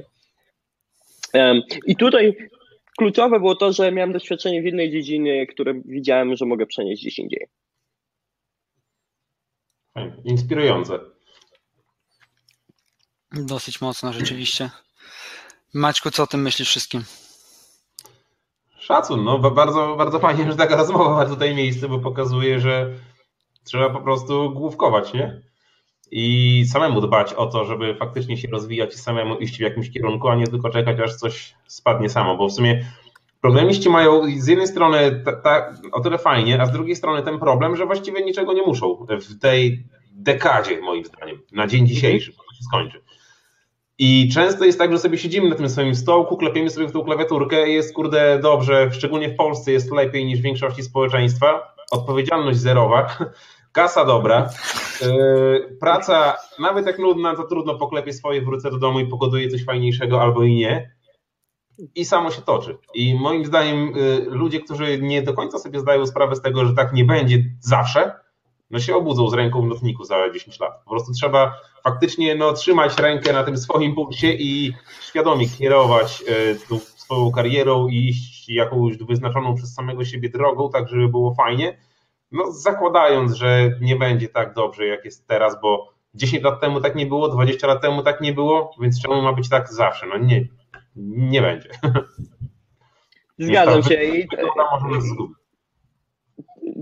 Tak, no i też satysfakcja jest, powiem wam, dużo większa, e, jak się ma takie historie do powiedzenia i też e, jakby przez to ja się na przykład wystawiam, ja nie mam tak, że mi się e, nudzi programowanie i to nie jest tak, że ja nie programuję, bo, bo ten, bo mnie to znudziło, szczególnie te rzeczy, które teraz robię. Bardziej e, ja w tej chwili autentycznie robię research, to znaczy, co warto w ogóle zaprogramować. tak, to jest. E, e, I ja w pewnym momencie będę programować, to jest prawdopodobnie już za jakiś miesiąc się wykrystalizuje, ale to będzie super ciekawa rzecz do programowania, nie? Co, co robię, a nie jakieś takie typowe klepanie projektów. To zresztą szczerze mówiąc, jakbym nigdy nie pracowałem w Polsce, ale jak rozmawiam z ludźmi, którzy pracują w Polsce, to często ja mam takie um, poczucie, jak to dobrze powiedzieć, um, trochę niewykorzystanej szansy. To znaczy u nas są ludzie, którzy są naprawdę zdolni, a nie pracują nad ciekawymi problemami. Mhm. Okej, okay. a wrócę do tego, co powiedziałeś przed chwilą. E, mówisz, że teraz w zasadzie w Stripe siedzisz nad tym e, i takie swoje zadanie ze względu na to, jakie masz doświadczenie, właśnie e, co warto programować, tak? I jesteś w stanie zdradzić coś tutaj z, z tej działki? Co warto programować, jeżeli chodzi o na przykład o Stripe'a, czy ogólnie? W którym kierunku? Co warto programować? Co, w którym kierunku? Ja bym się uczył, znaczy z takich podstawowych skilli, które które programiści nie do końca doceniają, to jest matematyka się przydaje. O, to pytanie często pada tak. i e, odpowiedzi były różne podczas ostatnich właśnie naszych relacji, ale mówi, że rzeczywiście matma przydaje się. Czemu? Tak, to znaczy e, jeśli chce się być e, klasycznym programistą, który tworzy jakieś tam systemy w nawet, nie wiem, rozproszone czy, czy jakiekolwiek, matematyka rzeczywiście na co dzień się mało przydaje. w tego typu pracy. I ja przez parę lat też się zastanawiałem, na przykład przy programowaniu kompilatorów mi się matma mało przydawała, nie?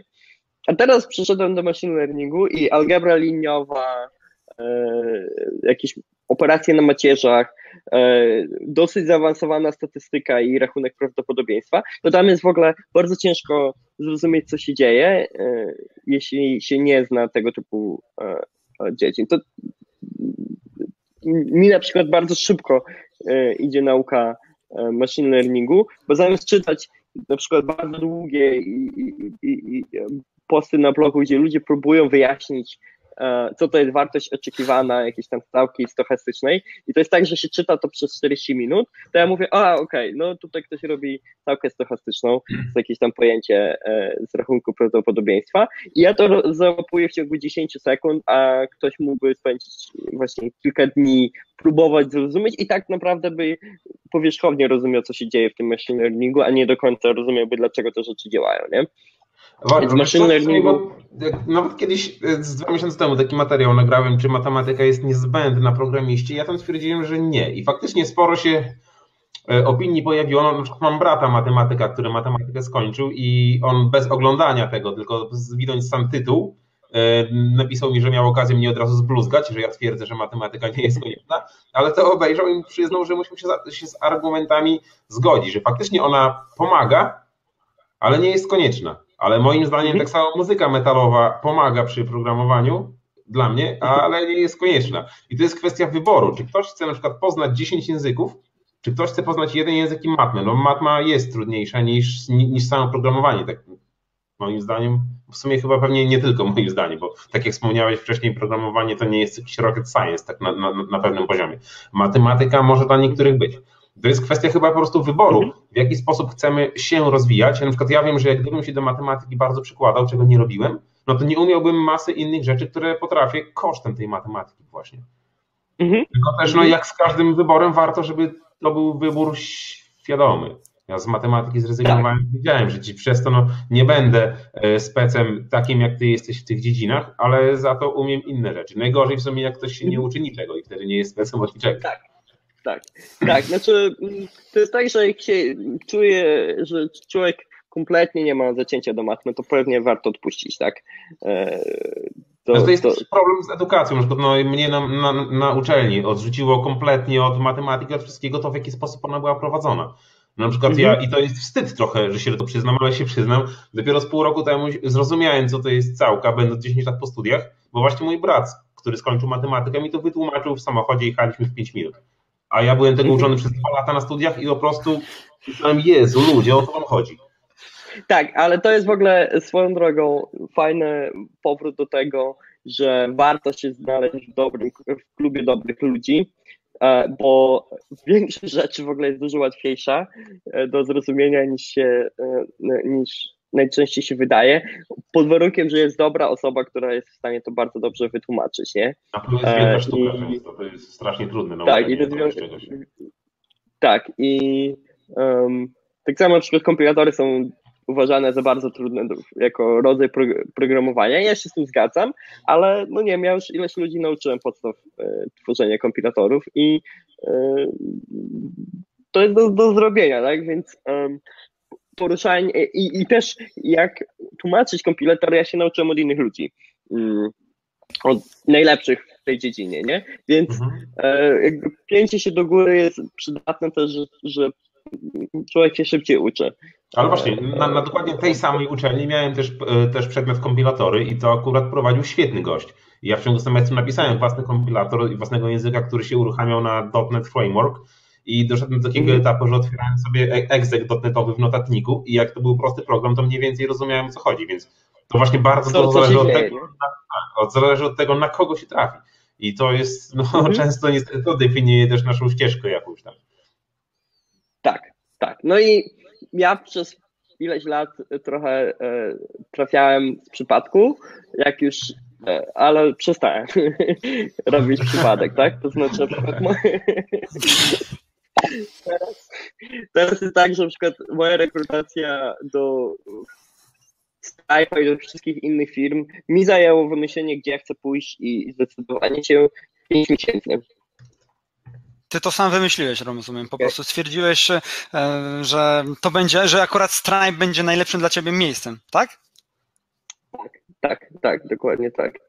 Aha, no to ciekawe, bo właśnie chciałem przejść do tego, jak to jest, y, gdzie w zasadzie przechodzisz najprostsze rekrutacje w Google, jakie ludzie mogą mieć, czyli po prostu albo e, piszesz maila do człowieka, z którym od razu rozmawiasz o tym i on mówi, że cię chce po 20 minutach, albo gdzieś tam e, też jesteś w stanie przeskoczyć parę, parę tych e, szczebli. No a w tym Stripe jak to było, bo mówisz, że tam rekrutacja nie należała do tych no, najłatwiejszych. Nie, jest bardzo trudne. Znaczy, no, bo Brain to było tak, że schakowałem rekrutację. Po prostu ją no tak, tak.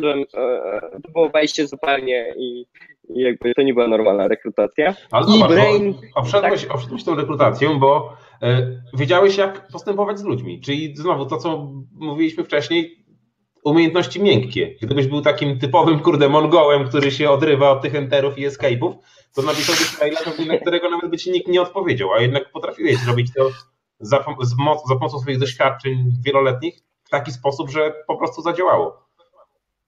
Tak, znaczy musisz mieć coś ważnego do zaoferowania, bo ci ludzie tacy. Ale jak, zaoferować to w odpowiedni sposób prawdopodobnie, co nie? Tak, tak. No oczywiście ja się zastanawiałem nad każdym słowem w tym mailu, bo wiedziałem, że ten mail musi być krótki, mhm. jak go ktokolwiek przeczytać. Mhm.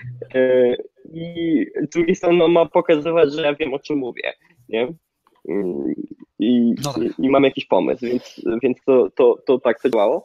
Um, w Stripe e, rekrutacja była taka, że mm, jakby tam nie, nie hakowałem, nie było e, żadnego obejścia.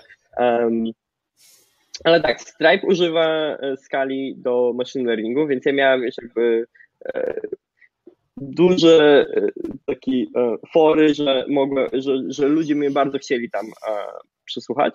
I Stripe ma trochę inną rekrutację, dlatego że mm, ona w ogóle trwa cały dzień. I to jest e, e, te rozmowy kwalifikacyjne. I to jest tak, że jest um, jedną rzecz, którą Stripe robi, której żadna inna firma nie robi, przynajmniej takiej, to znaczy dostaje się um, bug reporta, taki normalnie e, raport o błędzie, z jakiejś biblioteki open source'owej, którą oni używają i której, czy tam my w tej chwili już w stracie, której my używamy, gdzie znaleźliśmy jakiś błąd i to był po prostu błąd, który tam naprawiliśmy i, i, i ten błąd się wydawał na tyle dobry, żeby był pytaniem rekrutacyjnym, nie? I dostaje się normalnie y, kod y, biblioteki, dostaje się raport o błędzie i trzeba naprawić ten błąd, nie? Tak on the spot. E, I um, to, co my patrzymy w Stripe, jak robimy tego typu um, rozmowę, to jak w ogóle człowiek myśli i próbuje się zabrać za e, kod, którego w życiu nie widział, gdzie ma szukać błędu opisanego w jakimś tam, no takim typowym bug reporcie. I założenie generalnie tych rozmów wszystkich jest takie, że um, mają one jak najbardziej symulować to, co się później rzeczywiście w robocie robi. Czyli szukanie błędów to jest dosyć e, duża część w ogóle pracy e, programistycznej, tak? Nie tylko klepanie rzeczy od zera, ale naprawianie tego, co już jest. Um, więc to było jedno takie nie, bardzo nietypowe. To, nie wiem, w Google to się zadaje jakieś takie pytania typu puzzle, tam nie wiem, jakiś tam, a ile piłeczek kolorowych się zmieści w samolocie, tak? tak, tak. I tego można się w ogóle wyćwiczyć w ciągu miesiąca szacowania tych rzeczy i to jest proste bardzo, nie? Mhm. Mm, więc my tego nie robimy. W Stripe też bardzo mocno, znaczy można w ogóle nieźle wypaść we wszystkich rozmowach, to znaczy zrobić tego bug reporta i tak dalej, tam inna rozmowa to jest e, typu, takie typowe architektura systemu, jakiś stworzyć, nie wiem, rozproszony, e, co tam ja miałem, rozproszony system do logowania, tak, że masz wiele maszyn, macie wiele maszyn i one mogą każde logować, takie po prostu stringi. I jak ta architektura miałaby wyglądać, się okazuje, że to jest w ogóle nieoczywiste, jak to ma wyglądać, bo jaka jest kolejność tych logów i tym podobne rzeczy. No i ten, um, więc można przejść kilka, y, te wszystkie rozmowy tego typu um, i na nie wszystkie dobrze wypaść i się nie dostać do Stripe'a, nie? bo ciekawe jest to, że my w firmy mamy takie podejście, że oprócz tego, że się jest bardzo dobrym w tych wszystkich rozmowach, trzeba się czymś mocno wyróżniać. Tu mnie właśnie kompilatory zdecydowały, że ja dostałem się.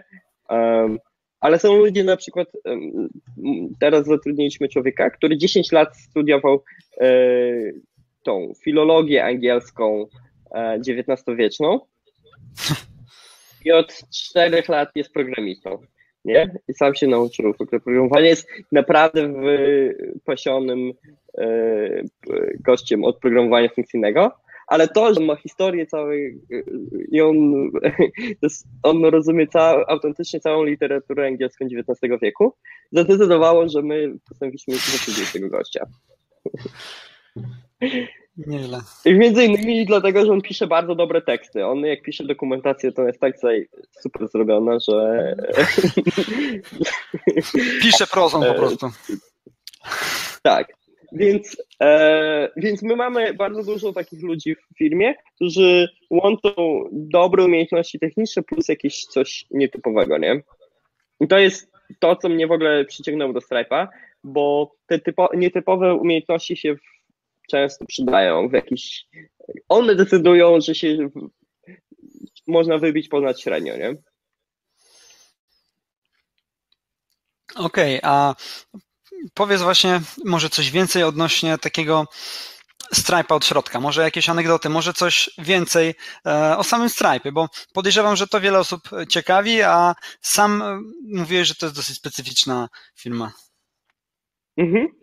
No, ona jest założona przez dwóch Irlandczyków, um, którzy są już gwiazdami tam w Irlandii. Oni są w ogóle młodsi ode mnie. E, Patrick ma 26 lat, z tego co pamiętam, a John ma 27. Czyli założyli to w e, wieku, jak mieli naście lat, tak?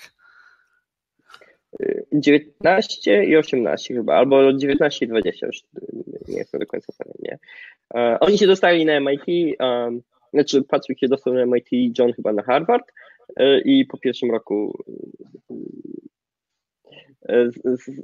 zrezygnowali. Poczekajcie chwilę, bo ja tutaj mam kogoś w domu. Dobra, nie ma sprawy. Sorry, ktoś tutaj przyszedł do domu, to ten, nie, nie Wiadomo, no jesteś u siebie w końcu, nie? więc oni to założyli w super młodym wieku. I to było w ogóle coś takiego, że wszyscy uważali, że, oni, że mi się to nie uda. E, bo e, to było dwóch dzieciaków, którzy przychodzili negocjować jakieś umowy z kartami kredytowymi, z bankami i tak dalej. I jakby, no możecie sobie wyobrazić reakcję jakichś okay. prezesów banków, którzy słyszeli o no tak. chłopakach, którzy mają robić payment processing, tak? E, więc jakby um, jakby i to było jasne dla wszystkich ludzi, że, że im się to nie uda. Tak? Mimo wszystko im się udało.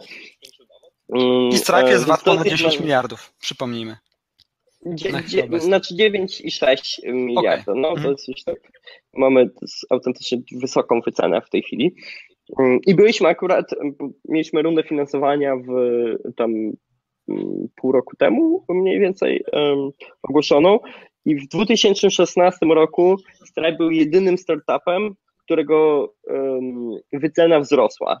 Bo generalnie trochę było e, spowolnienie e, tam w Dolinie mhm. Krzymowej i wszystkim innym nie wzrosła albo spadły wyceny. My byliśmy jedyną firmą w ogóle, jedynym startupem, właściwie e, z tych takich większych, który na świecie nawet, którym wycena wzrosła. Więc my no, w tej chwili tak, to jest taka trochę rakieta, nie, że lecimy tam w górę. Mm.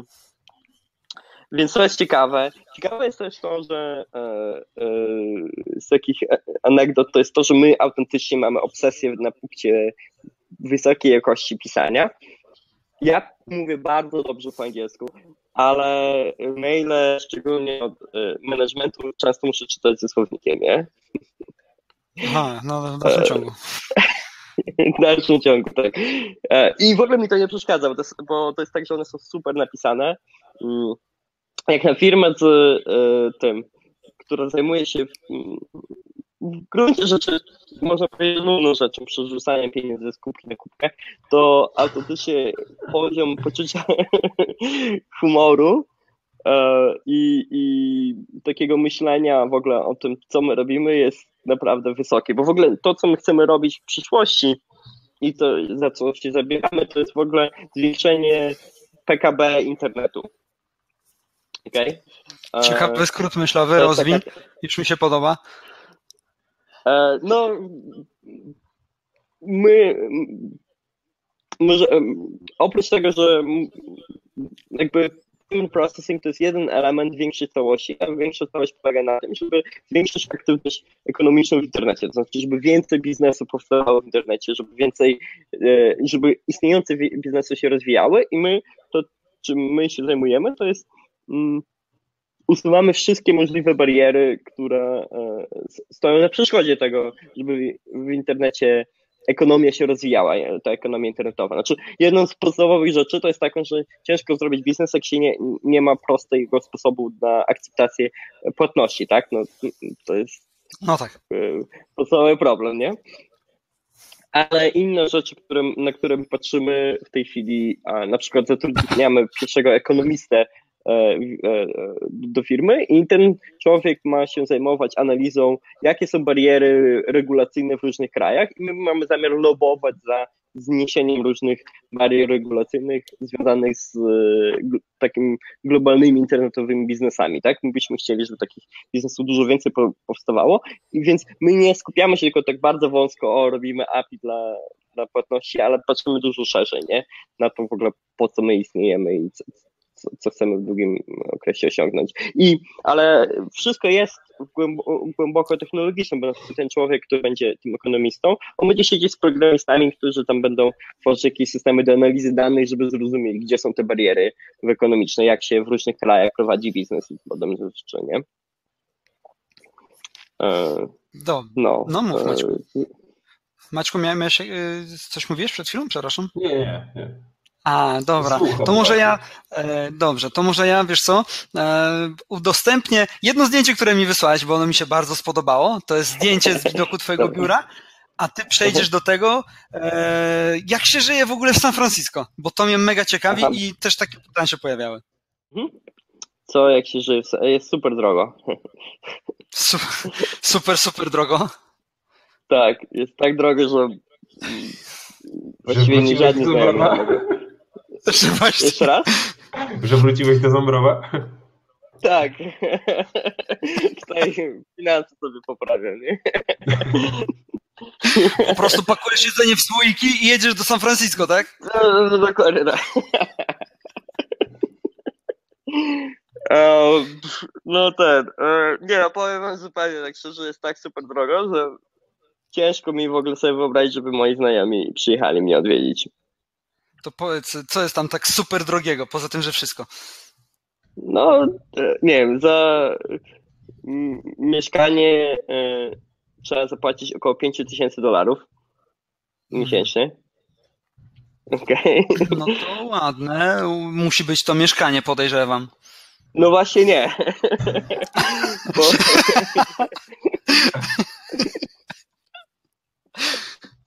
Aha, Za ładne trzeba no zapłacić 7-8 tysięcy, nie? Okej, okay, czyli 5 tysięcy dolarów, to myślę, że to jest dosyć spora część pensji, idzie tylko i wyłącznie na mieszkanie.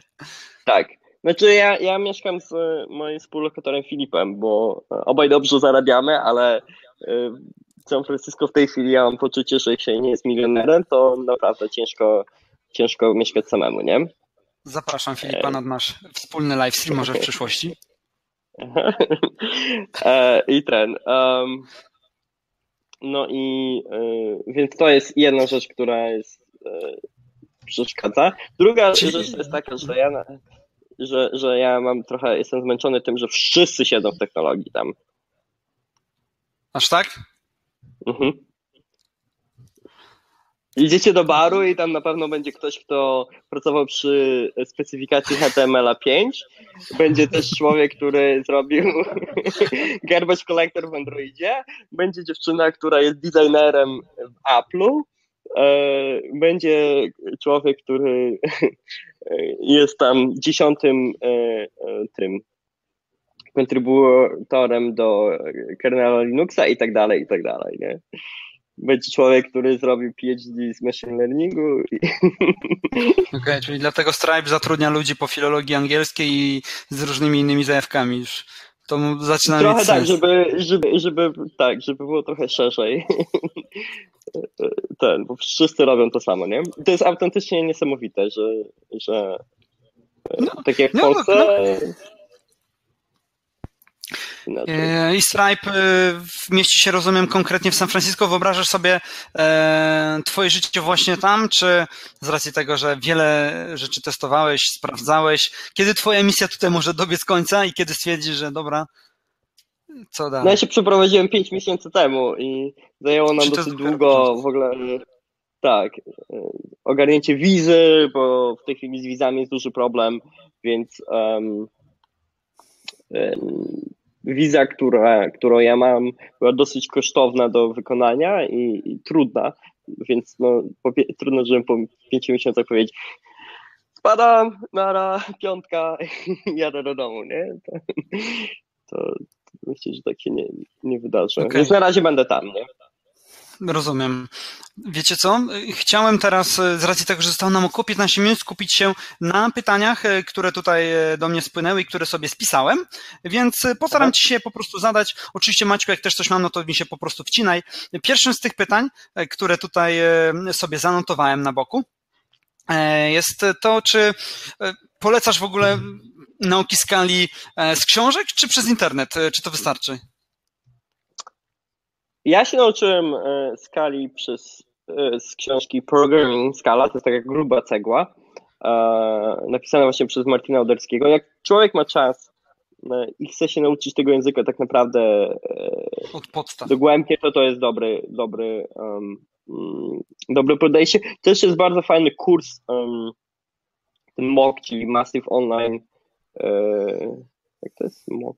Massive Online no, na kurserze, to jest kurs na kurserze, czyli tej takiej stronie do, do mhm. kursów internetowych, za darmo. Mm, nie mogę sobie przypomnieć nazwy teraz tego kursu, ale jak się pisze Programming Scala Coursera, e, to, to, to, wyskakuje, okay. to, to wyskakuje jako pierwszy, pierwszy ten. To jest super dobry kurs, e, on jest tam co tydzień, jest wideo, e, plus ćwiczenia, ćwiczenia są oceniane przez tam chyba kombinacja automatu i człowieka, tam naprawdę można też dostać super e, e, taki feedback, czy, czy, czy się dobrze to zrobiło, czy nie. Więc to jest bardzo dobry kurs i wiem, że dużo ludzi um, go um, brało. I ja się mogę pochwalić, że e, pisałem sprawdzarkę tą automatyczną do, do, do tych, e, tych, tych okay. tego kursu. To powtórzmy jeszcze raz może nazwę tej książki dla osób, które chciałyby e, może z niej korzystać. Jak, jaka jest jej nazwa? Programming in Scala, tak się nazywa. Tak Martina Oderskiego. Tak, Martin Oderski. Halo? Jak się wpisze... Mhm, halo? Okej. Okay. Tak, tak, tak. No. Zaciął mnie. Ja właśnie szukam mm, ten Coursera skala. Patrzę, czy... Dobra, a przy, przy, okazji powiedz, bo kolejną rzeczą, o jaką tutaj pytały osoby, które są tutaj z nami, czy widzisz, czy można tak w ogóle powiedzieć, czy widzisz zagrożenie dla skali ze strony takich języków jak Kotlin, które starają się brać ze skali prostsze rozwiązania? Co ty myślisz? Mm, nie, krótko mówiąc, nie. Bo Kotlin jest w takiej nie, niefortunnej sytuacji, że e, jest za mało e, różni się od Java, żeby mm, Java w ogóle e, dodaje jakieś tam e, funkcyjne elementy teraz, więc zjada jakby Kotlinowi przewagę tą, że, że część tam jakichś feature'ów, um, których w Javie nie było, te, były w Kotlinie już to znika ta przewaga, a jest za mało się odróżnia, żeby, żeby powiedzieć, no okej, okay, no mam używać e, Kotlina zamiast Java, tak? Skala jest bardzo się różni od Java jednak e, i to powoduje, że, że ludzie jej używają. Znaczy to nie jest tak, że ten język nie będzie używany w ogóle, ale mi się wydaje, że będzie niszowy. Zresztą tworzenie języku programowania jest trudne. To jest parę lat ja spędziłem na tym, żeby wypchnąć skalę do takiego mainstreamu i to jest naprawdę trudne zadanie. Więc to nie jest tak, że przyjdzie ktoś tam i, i zrobi coś nowego i to automatycznie zaskoczy. Dobrze. Chciałbym wrócić jeszcze do, do samego Stripe'a odnośnie samych rekrutacji. Czy z racji tego, że jest tam tak trudno się dostać, czy na pewno przyjmujecie studentów? E, I jak to wygląda? Przyjmujecie na staże ludzi? Tak. Muszą tak, być po filologii w WF-ie czymś takim, czy raczej... Nie, nie. nie, nie muszą być. E, na, na staże jest trochę chyba niższa z tego co wiem. Ja nie, nie robiłem rekrutacji na staże, więc e, te szczegółów nie znam. Wiem tylko, że na ten rok my jesteśmy już obłożeni. E, właściwie od stycznia już na, na cały rok byliśmy obłożeni, więc tak naprawdę po wakacjach warto aplikować na kolejny rok. Um, i to, co. Yy, yy, znaczy, warto spróbować, tak, zaaplikować. To, tam po prostu się wchodzi na stronę, jest gdzieś tam e, okay. mail, gdzie się wysyła i tyle, nie? Mm, dobrze. A y, teraz pojawiło się pewne pytanie kolejne. E, co myślisz na temat e, samej przyszłości programowania? Już o tym trochę rozmawialiśmy, ale możesz wypowiedzieć się na ten temat. No są ludzie, którzy mówią, że nie wiem, tam deep learning i machine learning w ogóle wyprze, e, e, w ogóle programy na przykład same się będą pisały i tam programiści będą niepotrzebni. W ogóle w to nie wierzę. E, nie wierzę też w to, że deep learning przejmie całe programowanie. To jest tak, że klasyczne programowanie zostanie, dalej będziemy pisać aplikacje bazowe, webowe i tym podobne rzeczy, tylko wzrost nowych dziedzin, no, gdzie nowe rzeczy będą się działy, to moim zdaniem w najbliższych 5-10 latach to będzie wszystko związane z machine learningiem. Um, konkretnie wydaje się, że deep learning to jest najbardziej obiecujący poddziedzina machine learningu, która się super szybko rozwija. Uh, I dużo programowania będzie skupionego wokół um, przetwarzania danych, które są nieustrukturalizowane, to znaczy, nie wiem, przetwarzania tekstu, przetwarzania obrazu, tego typu rzeczy, to jest to, gdzie właśnie deep learning um, dobrze działa i gdzie właściwie żadne inne metody, które wcześniej mieliśmy, nie działały. Dobrze, a poleciłbyś każdemu, aby aplikować bez kompleksów do firm technologicznych z Doliny Krzemowej? Jak masz teraz swoje doświadczenia? Czy najpierw lepiej byłoby nabrać może jakieś, e, jakiegoś obycia tutaj w Polsce, czy, czy od razu próbować jak najszybciej? Znaczy, ja nigdy nie pracowałem w Polsce, i, um, więc trudno mi powiedzieć. Um, mi się wydaje, że um, jak mam coś ja w ogóle napisałem kiedyś posta na blogu, e, gdzie to był w ogóle transkrypt mojego przemówienia dla ludzi z mojego liceum, gdzie im opowiadałem, jak tam moja ścieżka właśnie od Zemborowa do Doliny Krzemowej wyglądała i tam były trzy elementy, które im powiedziałem, że są istotne. Jedno to jest ja to, bo to w ogóle wystąpienie było po angielsku, bo to było na lekcji angielskiego. Ja mówiłem, e, jedno to jest o joining good clubs, czyli dołączanie do, do dobrych klubów i w moim przypadku to był kiedyś ten serwis o programowaniu gier, który mnie ciągnął do góry, później Apache, który był międzynarodową organizacją programistów, gdzie się nauczyłem takiego dobrego inżynierii oprogramowania, a później te kolejne firmy, nie? I czyli czy warto aplikować do Doliny Krzemowej? Prawdopodobnie warto, Mo, jeśli się to okaże, że mm, to jest za wysoka poprzeczka, to trzeba szukać trochę gdzieś czegoś innego, ale za każdym razem to jest jakiś etap do góry, nie? E, to jest jedno. Drugie to jest to, co ja powiedziałem, że bycie najlepszym w czymś, czymkolwiek na świecie albo gdzieś nawet. Gdzieś Zawsze się opłaci. To jest super istotne. To jest to, że to was wyróżnia z masy innych ludzi, którzy umieją mniej więcej to samo, co, co wy, nie? I cokolwiek to będzie, jak ktoś jest zainteresowany Androino i klepaniem e, w C jakichś śmiesznych systemików na to, super. Jak się i to w ciągu kilku lat można się w ogóle wypromować na człowieka, który jest totalnym ekspertem w tym i moim zdaniem to jest właśnie droga, żeby się dostać do tych najlepszych miejsc. Um, okay. i, I generalnie spróbować warto. Najgorsze może być to, że mogą, może, może się w ogóle żadna rozmowa nawet nie odbyć, tylko się zostanie odrzucony na etapie CV. Między innymi dlatego, jak się nie ma nic, co cię wyróżnia, to, to jest bardzo e, możliwe, że tak się stanie, że się nie przejdzie tego pierwszego sita, nie? Rozumiem. E, dziękuję. Pytanie od Radka, dosyć ciekawe i myślę istotne.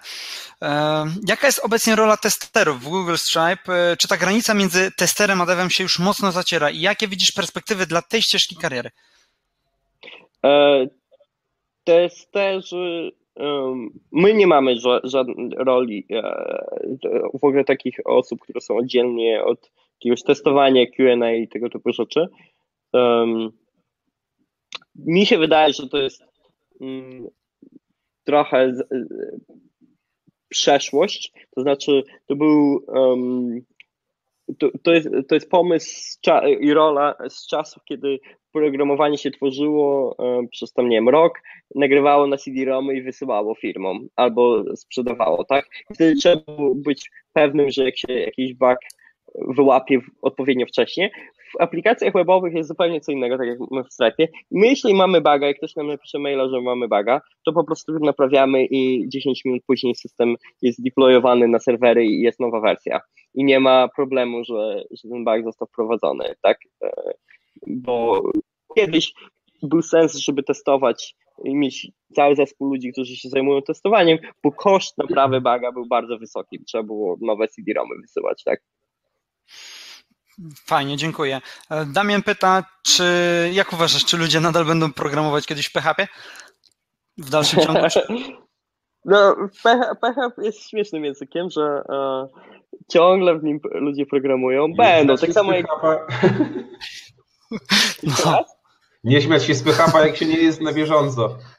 Ja dostałem taką nauczkę dwa miesiące temu. Nagrałem podcast z człowiekiem, który zdemontował po prostu kompletnie wszystkie te mity o PHP. One faktycznie były prawdziwe, ale już nie są. no to ciekawe.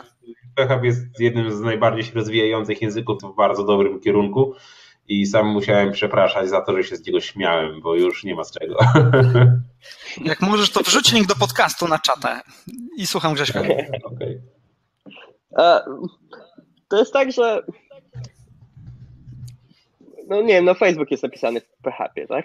Jest to jedna z najbardziej, e, największych firm e, internetowych, jest mhm. napisana w PHP. Oczywiście nie dlatego, że to jest najlepszy język programowania do napisania Facebooka, e, tylko dlatego, że w tym języku na początku został napisany i nikt go nigdy nie przepisał, a później już było za dużo, żeby go przepisać, nie? Mm. Ja w ogóle mam tak, że ważniejszy jest nie konkretny język, ale czego się na, można w nim nauczyć. Czy na przykład ze skalą dla mnie istotniejsze było programowanie funkcyjne jako pomysł niż sama skala. Znaczy skala była ładną implementacją tego pomysłu, która mi się podobała i która chciałem, żeby, żeby się e, udała, ale ważniejsze jest e, jakiś paradygmat programowania.